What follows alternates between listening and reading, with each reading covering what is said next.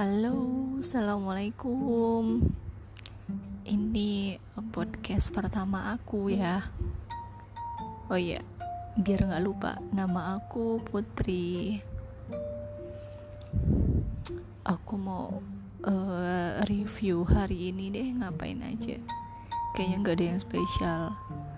Seharian cuman tiduran aja. Nggak ada kerjaan yang pasti nggak produktif banget loh. Padahal tadinya niatnya mau olahraga mau nyelesain challenge running yang aku ikutin uh, kan uh, 76 kilo ya targetnya. Aku bikin targetnya 4 bulan. Tapi alhamdulillah hmm, belum sampai 4 bulan udah tinggal 2 kilo lagi nih. Yeay bentar lagi selesai itu nanti medalinya dikirim. Mungkin bisa dicoba lah uh, siapa yang mau mau ikut challenge ini. Uh, linknya itu The Conqueror Challenge. Coba searching aja di uh, Google atau di Instagram. Oh ya back balik lagi ya. Apa yang dipas bisa dipetik ya hari ini? Kayaknya nggak ada deh tapi pasti ada. Pastilah ada yang dipetik. Atau mungkin yang kemarin ya.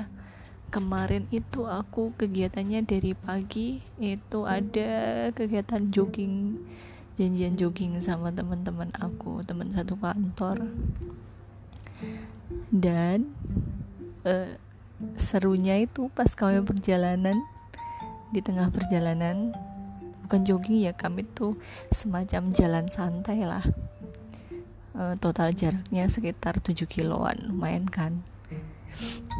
Oh ya uh, kemarin pas nyari-nyari jalan tiba-tiba kami ketemu kelinci. Udah yang aduh lucunya kasihan banget ini kelincinya nyangkut di semak-semak. Udah aku gendong. Terus kayak mana ini ya? Kasihan biar ada orang yang nemu gitu. Ada yang ngerawat dia terus eh taunya ternyata di pekarangan itu atau di itu mungkin pekarangan uh, bukan pekarangan di tanah kosong milik orang. Tapi um, belum dibangun ya udah lama nggak dibangun jadi banyak ilalang atau semak-semak yang tinggi. Jadi tadi ketik jadi pas kami nemu kelinci itu dia lagi kesangkut di semak-semak itu kasihan terus uh, kami angkat. Terus gimana ini? Mau ditaruh mana ya? Biar uh, ditemuin orang deh biar dirawat. Eh pas lagi di foto ternyata banyak banget kelinci di tanah itu tanah kosong itu di semak-semak. Ternyata itu uh, kebun kelinci ya di tengah kompleks perumahan ya udah deh kami biarin aja. Ternyata banyak mungkin di situ juga ada keluarganya. Terus kami lepas aja deh terus lanjutlah uh, perjalanan kami menuju tempat makan. Jadi motivasinya kami jalan itu makan gitu kan mau jadi biar nggak ada uh, lemak yang tertimbun gitu. Habis makan terus dibakar lagi Nah, meringatkan pas di sini nih pas lagi makan. Ada satu hal yang bikin aku uh, inilah ya. Apa sih? Uh, buat pelajaran aja sih buat kita semua. Karena ada salah satu temen yang memang tipikal nyeletuk gitu dia. Asal nyeletuk jadi pas itu ada memang uh, ada seorang pengamen yang uh, dia biasa di situ gitu ngamen nyanyi suaranya bagus. Dan serunya itu yang menarik lain yang menarik itu dia di sela-sela menyanyi pergantian lagu gitu dia bakal ngasih informasi tuh tentang penyanyinya atau seputar lagu atau judul lagunya gitu. Jadi oh lumayan menarik sih mas ini ya. Nggak bikin bosan nah balik lagi. Ada salah satu temen aku yang nyeletuk. Nah uh, dan celetukan itu entah terdengar atau enggak ya oleh pengamen itu. Mungkin maksudnya memang bercanda aja sih asal nyeletuk gitu kan. Pasti teman aku juga ngerasa bersalah. Jadi waktu itu setelah teman aku nyeletuk gitu. Tentang pengamen ini. Nah tiba-tiba setelah selesai nyanyi lagu itu dia pergi gitu loh. Kok tiba-tiba pergi? Kok kami terus kayak nah menyalahkan teman kamu yang asal nyeletuk itu enggak ah mungkin. Cuman yang jadi pelajaran ya memang sebelum sepatah atau dua patah kata atau kalimat gitu. Itu se sebaiknya di bener-bener dipikirkan dulu gitu loh. Aku sempat kepikiran sama mas itu. Jangan-jangan memang sakit hati gitu loh dengan celetukan teman aku. Buat pelajaran banget kita semua ya harus hati-hati banget. Karena kan itu uh, mengamen itu mungkin salah satu memang satu-satunya mata pencaharian orang itu gitu kan. Kita nggak tahu perasaan dia gimana nanti malah jadi ternyata jadi nggak pede nyanyi atau gimana gitu kan. Kan dampaknya ternyata ke apa uh, dampaknya tuh luas gitu loh. Nggak sekedar kita asal ngomong uh, terus uh, nggak apa-apa lah. Mungkin dia yang perasa ya. Setiap orang pasti perasa gitu kan. Ada di suatu momen atau setiap orang tuh pasti uh, memiliki sensitivitas apa sih kok sensitivitas ini ngomongnya? Kayak uh, proteksi aja harus sensitif. Akurat jadi sensitif di hal-hal tertentu itu setiap orang pasti ada sensitif. Kayak mungkin aku ya mungkin yang belum menikah ini kan di umur yang sangat sudah matang harusnya udah menikah. Tiba-tiba ada yang nanya kok belum menikah? Mau cari apa lagi? Kan udah kerja gitu loh. Ya karena memang belum ada jodohnya kan kita pasti ngerasa sakit hati kan. Nah mungkin kan uh, pengamen itu mungkin juga dia mencari kerja cari kerja apa cari nafkahnya tuh satu saya satu satunya dengan cara menyanyi itu mengamen. Kita kita ketika kita me, mungkin menyinggung ya menyinggung kok kerjanya cuma ngamen sih gitu kan. Kok nggak kerja yang lain gitu kan. Pasti sakit hati kan sedih kan terus ketika orang yang belum punya anak gitu terus kita kayak asal nyeletuk gitu kan. Kok belum punya anak sih? Mau nunggu apa lagi? Kan. Kapan dapat momong kapan ini momongannya gitu kan. Kapan dapat momongan nih? Nah pasti itu sesuatu hal yang yang sensitif bagi orang itu gitu. Jadi setiap orang tuh punya sisi sensitif gitu loh di hal-hal tertentu. Nah itulah yang jadi pelajaran um, buat buat aku ya terutama aku. Jadi belajarlah memang um, janganlah sembar sembarang nyeletuk gitu. Walaupun itu hanya bercanda tapi ternyata bisa nyakitin hati orang. Nanti dampaknya itu setelah sak ketika dia sakit hati apa? Maksudnya bagu uh, bagus kalau atau um, ternyata orang itu nggak begitu perasa ya ternyata cuek-cuek aja. Tapi kalau orangnya perasa dan itu mempengaruhi psikisnya bisa stres jadi berhenti kerja dan ternyata orang itu menafkahi atau pengamen ini menafkahi keluarganya terus dia nggak mau ngamen lagi. Kan dampaknya sampai ke keluarga kan itu. Jadi aku sampai mikirnya sampai situ sih. Mungkin aku juga terlalu uh, terbawa ya. Tapi ya memang harusnya gitu sih. Jangan sampai menyakiti hati orang. Pun itu bercanda bercanda itu harus hati-hati lah ya. Kira-kira gitu. Jangan asal nyeletuk Wih, udah 10 menit aja pertama kali bikin podcast. Ya. Mungkin itu aja sih. Ini mungkin uh, daily reflection yang tertunda ya. Ini harusnya daily reflection kemarin gitu yang bisa dipetik kemarin. Abis ini aku bikin lagi deh yang daily reflection di tanggal 8 oh hari Minggu tanggal 8 Agustus 2021 ya. Sekian dulu dari aku untuk daily podcasting tanggal 7 Agustus 2021 sampai ketemu lagi. Wassalamualaikum warahmatullahi wabarakatuh.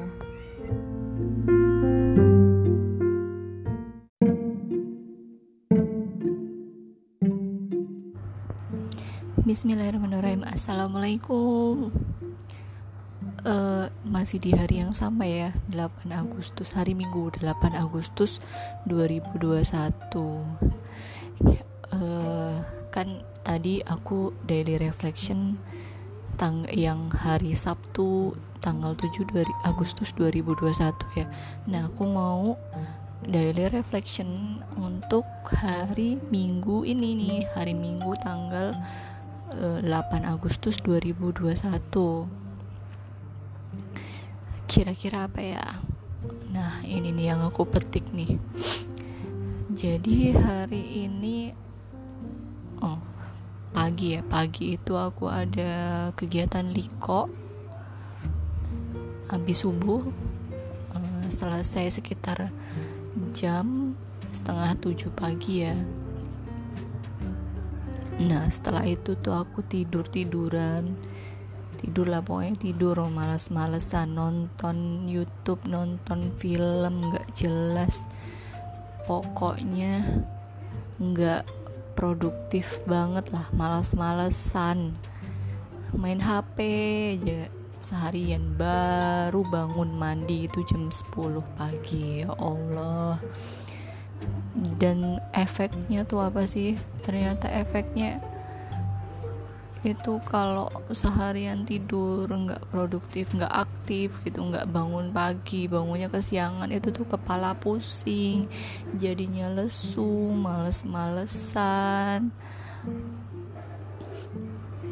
Dampak juga dampak menunda-nunda itu jadi malesan gitulah nah itu jadi pelajaran buat ke depannya. Ya Allah jangan lagi gitu lagi. Ini HP ini emang banyak banget setannya ya.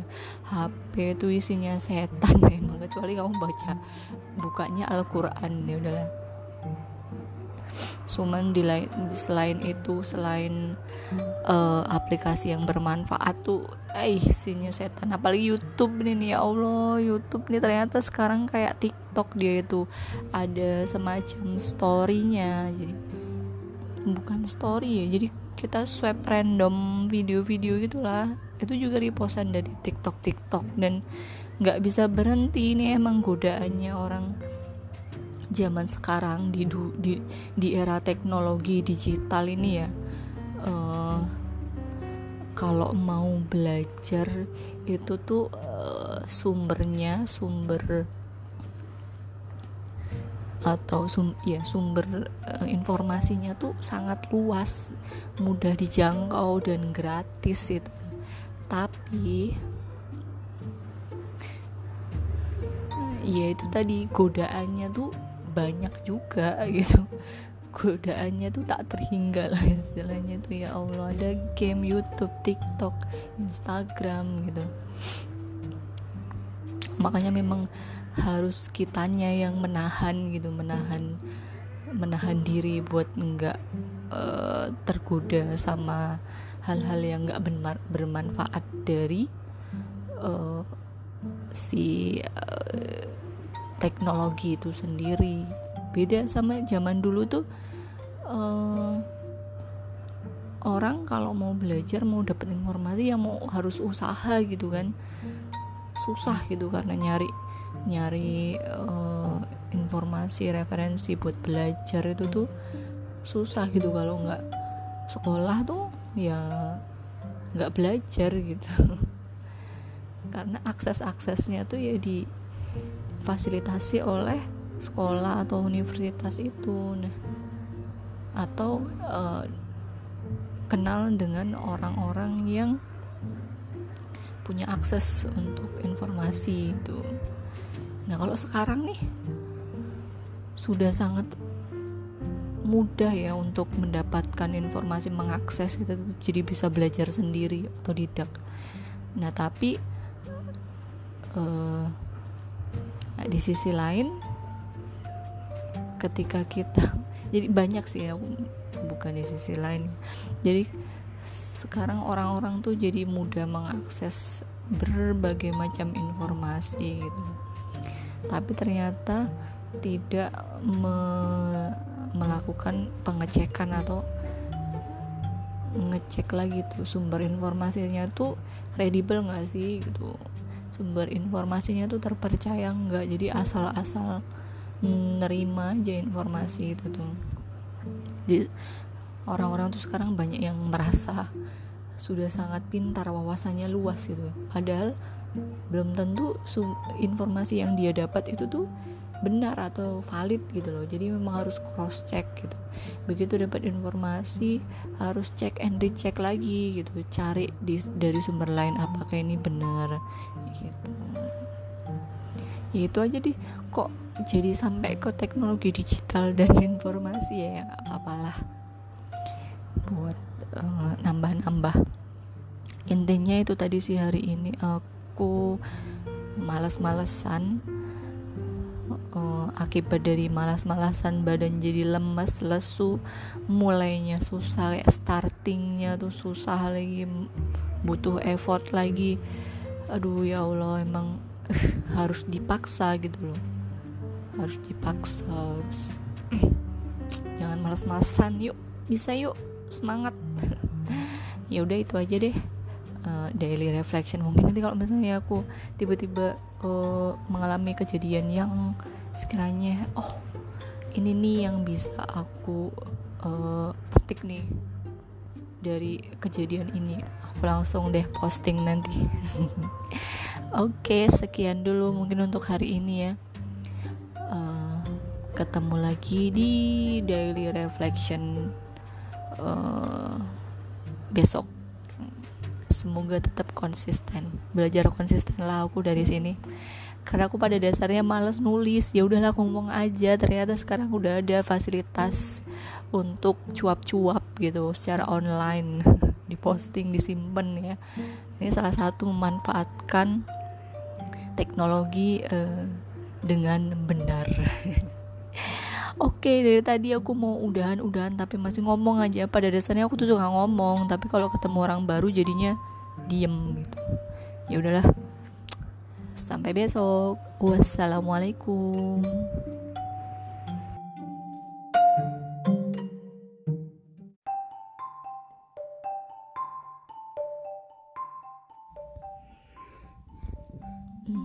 Hai, assalamualaikum. yes, aku Hai, assalamualaikum. Ketemu lagi setelah sekian lama. Padahal kemarin namanya konsisten ya uh, bikin podcast daily. Ternyata susah-susah gampang belajar. Konsisten tuh susah banget ya. Nah ini kebetulan aku lagi alhamdulillah pulang kampung di kondisi ppkm jadi uh, tiket kemarin lumayan mahal ya gara-gara gara-gara oh, harus pakai tes PCR dan setelah pulang ternyata ada korting diskon lagi. Uh, harga PCR sampai separuh harga dari yang kemarin. Kan ya bikin kesel tapi ya udah mau gimana lagi? Ya hitung-hitung lah kayak uh, rebutan tiket harga tiket pulang dadakan pas lebaran. Nah harganya hampir-hampir mirip rasa gitu jadi ya udahlah. Sama aja juga betul. Gara-gara uh, pandemi ini jadi nggak bisa pulang di event-event tertentu ya event-event khusus yang biasanya mudik gitu kayak lebaran atau tahun baru gitu. Sekarang ya udah curi-curi pas tanggal-tanggal biasa aja. Karena setiap tanggal tanggal liburan pasti um, dibuat pembatasan atau ppkm ini. No ya mau cerita apa sih hari ini? Selain ppkm ini oh iya tentang harga PCR dan dapat info kemarin itu. Ternyata harga PCR di negara lain itu harganya 10 kali lipat lebih murah daripada di Indonesia. Kan mm, mungkin agak aneh ya. Dan lebih anehnya lagi uh, harga PCR itu beda-beda sesuai um, durasi hasil PCR itu keluar. Jadi kalau misalnya 6 jam 6 jam keluar itu harganya sejuta 500 kalau mau 12 jam hasilnya sudah keluar itu harganya sejuta 200 dan kalau 24 jam atau lebih lama lagi harganya 900 ribu nah ini yang aku agak aneh kemarin itu kan aku tes PCR sekitar jam 4 atau setengah 5 sore ya. Terus uh, jam 4 itu aku malahan jam 4 kurang atau sekitar jam 3 lah ya, jam 3 aku telepon di hari hari berikutnya ya setelah aku tes PCR kalau di kan aku ngambil yang 24 jam um, hasil sudah keluar kan yang harga 900 tadi. Nah kalau di uh, hitung kan 24 jam baru keluar kan berarti jam misal aku tes jam 4 jam 5 kan eh atau jam 4 hari berikutnya kan baru bisa keluar.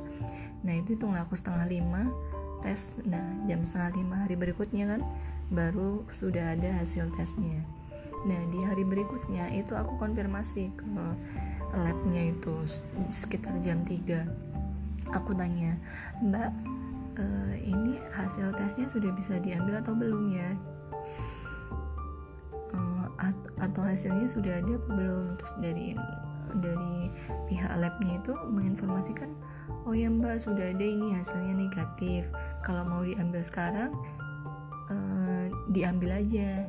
Nah ini kan aneh ya kan harusnya kan 24 jam gitu kan baru bisa diambil tapi kok ini belum sampai 24 jam sudah bisa diambil Nah, mungkin gak sih sebenarnya itu tuh kayak bisnis, dibuat bisnis aja tuh. Jadi sebenarnya 6 jam itu hasil sudah keluar. Dan eh, nggak uh, perlu sampai nunggu uh, kenapa dibikin ada 12 jam uh, 24 jam gitu kan. Jadi ini kelihatan banget kalau ini tuh kayak dibuat bisnis gitu. Menurut aku ya nggak tahu kalau menurut kalian gimana. Ini kelihatan banget kalau ini dibikin bisnis ya. Bisa jadi malah mungkin lebih cepat lagi gitu. Nggak sampai 6 jam hasil sudah keluar.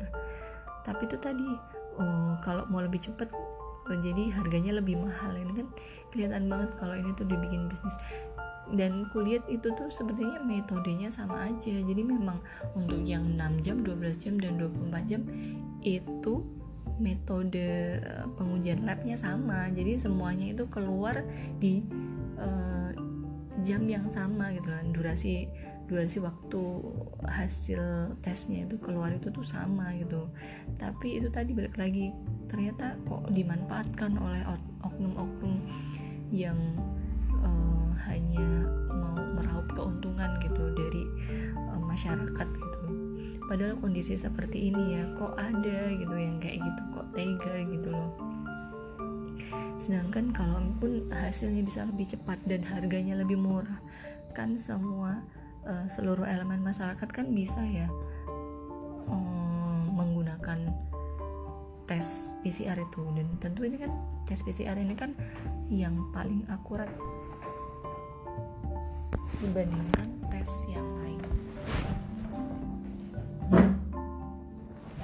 Dibandingkan uh, tes-tes uh, covid yang lain kayak antigen atau uh, rapid itu kan. Apalagi rapid itu udah nggak lagi udah jarang banget pakai.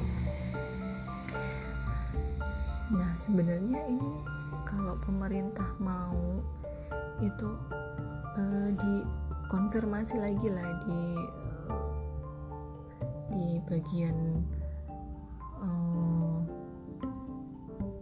kesehatan ya apa sih? Atau mungkin Kemenkes lah ya ini yang bertanggung jawab ya terkait COVID, rapid test dan sebagainya ini. Jadi nggak akan selesai gitu kalau kayak gini gitu kan. Dibikin ppkm ppkm aja gitu. Karena kalau enggak udah semua seluruh uh, semua wilayah itu dibagi-bagi dilakukan lockdown gitu. Semua serentak lockdown selama dua minggu. Dan itu difasilitasi difasilitasi untuk uh, keperluan selama dua minggu itu gitu kan. Bener-bener dipersiapkan gitu. Jadi sampai tidak ada kasus lagi gitu. Jadi setelah lockdown itu dipastikan semua uh, semua fasilitas pendukung itu tersedia. Setelah lock on serentak dilakukan tes itu kan dilakukan tes mungkin jangka waktu berapa. Nanti keluar hasil tes PCR-nya kan. Ternyata uh, tidak ada yang positif. Nah udah kan clear semuanya. Kayak enak banget aku ngomongnya. Tapi gambarnya seperti itulah. Tapi semuanya kan harus ada kerjasama dari berbagai pihak gitu. Dan jangan sampai ada oknum-oknum yang memanfaatkan kondisi seperti ini gitu loh. Itu ya ampun kasihan banget tambah lagi kondisi ppkm kayak gini kan. Banyak uh, para pekerja yang kehilangan pekerjaan karena uh, operasional perusahaan itu hanya bisa dilakukan uh, 50% jadi 50% para pekerjanya itu tidak tidak dipekerjakan gitu. Terus uh, otomatis juga lowongan-lowongan pekerjaan kan juga pasti berkurang ya. Dan yang paling berdampak juga uh, perekonomian kan para pedagang pelaku usaha yang memang kebutuhan mereka uh, pemasukan mereka itu sehari-hari itu didukung oleh pemasukan mereka dari uh, dari berdagang gitu atau bisnis pariwisata berdagang intinya yang uh, berkaitan dengan konsumen secara langsung gitu loh. Nah itu kasihan banget ini kapan selesainya kalau seperti ini gitu. Nah itu aja sih aku yang mau cerita terkait tes PCR nah sebenarnya ada lagi sih nanti mungkin next ya aku bakal cerita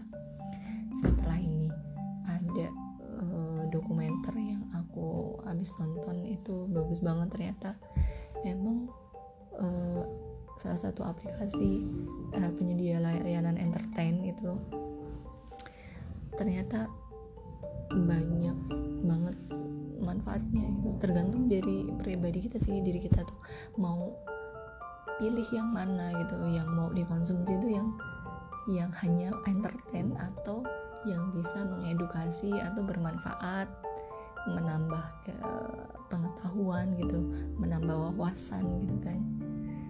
Ternyata isinya tuh banyak yang bermanfaat. Memang ketutup sama hal-hal yang gak bermanfaat gitu kayak nonton drakor gitu. Dulu aku suka banget nonton drakor tapi kok sekarang kayak bosen aja nonton kayak gitu tuh isinya kayak kayak gitu aja gitu. Dan itu manfaatnya cuman buat diri sendiri kesenangan aja gitu nggak ada manfaat lainnya gitu kan itu aja. Nanti aku lanjut lagi ya tentang salah satu dokumenter yang aku uh, tonton ini. Ternyata salah satu karya anak bangsa. Bagus banget. Oh, ya udah oke. Okay. sekian dulu curhat aku. Dilanjut nanti. Wassalamualaikum